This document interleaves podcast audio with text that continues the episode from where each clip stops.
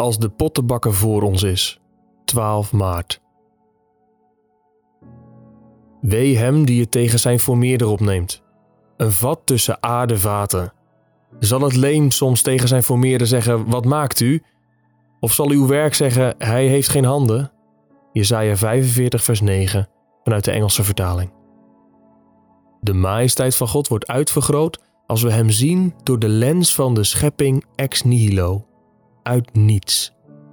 Hij geeft bevel aan iets wat er niet is. Het gehoorzaamt en het wordt iets. Uit niets maakt Hij klei en van klei maakt Hij ons, aardewerk van de Heere, Jesaja 45 vers 9.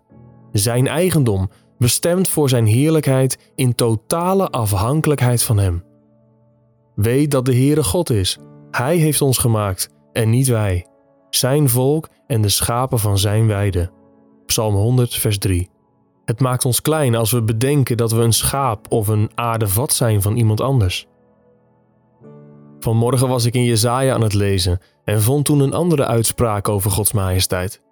En samen met Gods almacht en de rechten die Hij als schepper kan laten gelden, vormt dat een explosieve cocktail in mijn hart.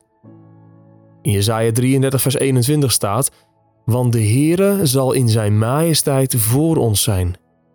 Voor ons. Voor ons.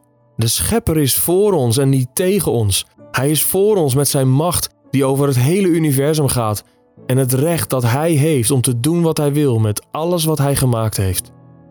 Wie heeft een God als u gezien, die werkt voor hen die op hem wachten? Jesaja 64 vers 4.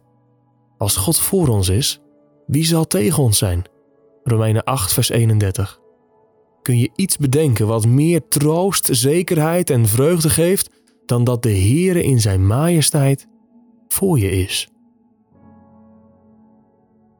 Je luistert naar Onwankelbare Vreugde, een dagboek van John Piper door Geloofsterusting en Desiring God.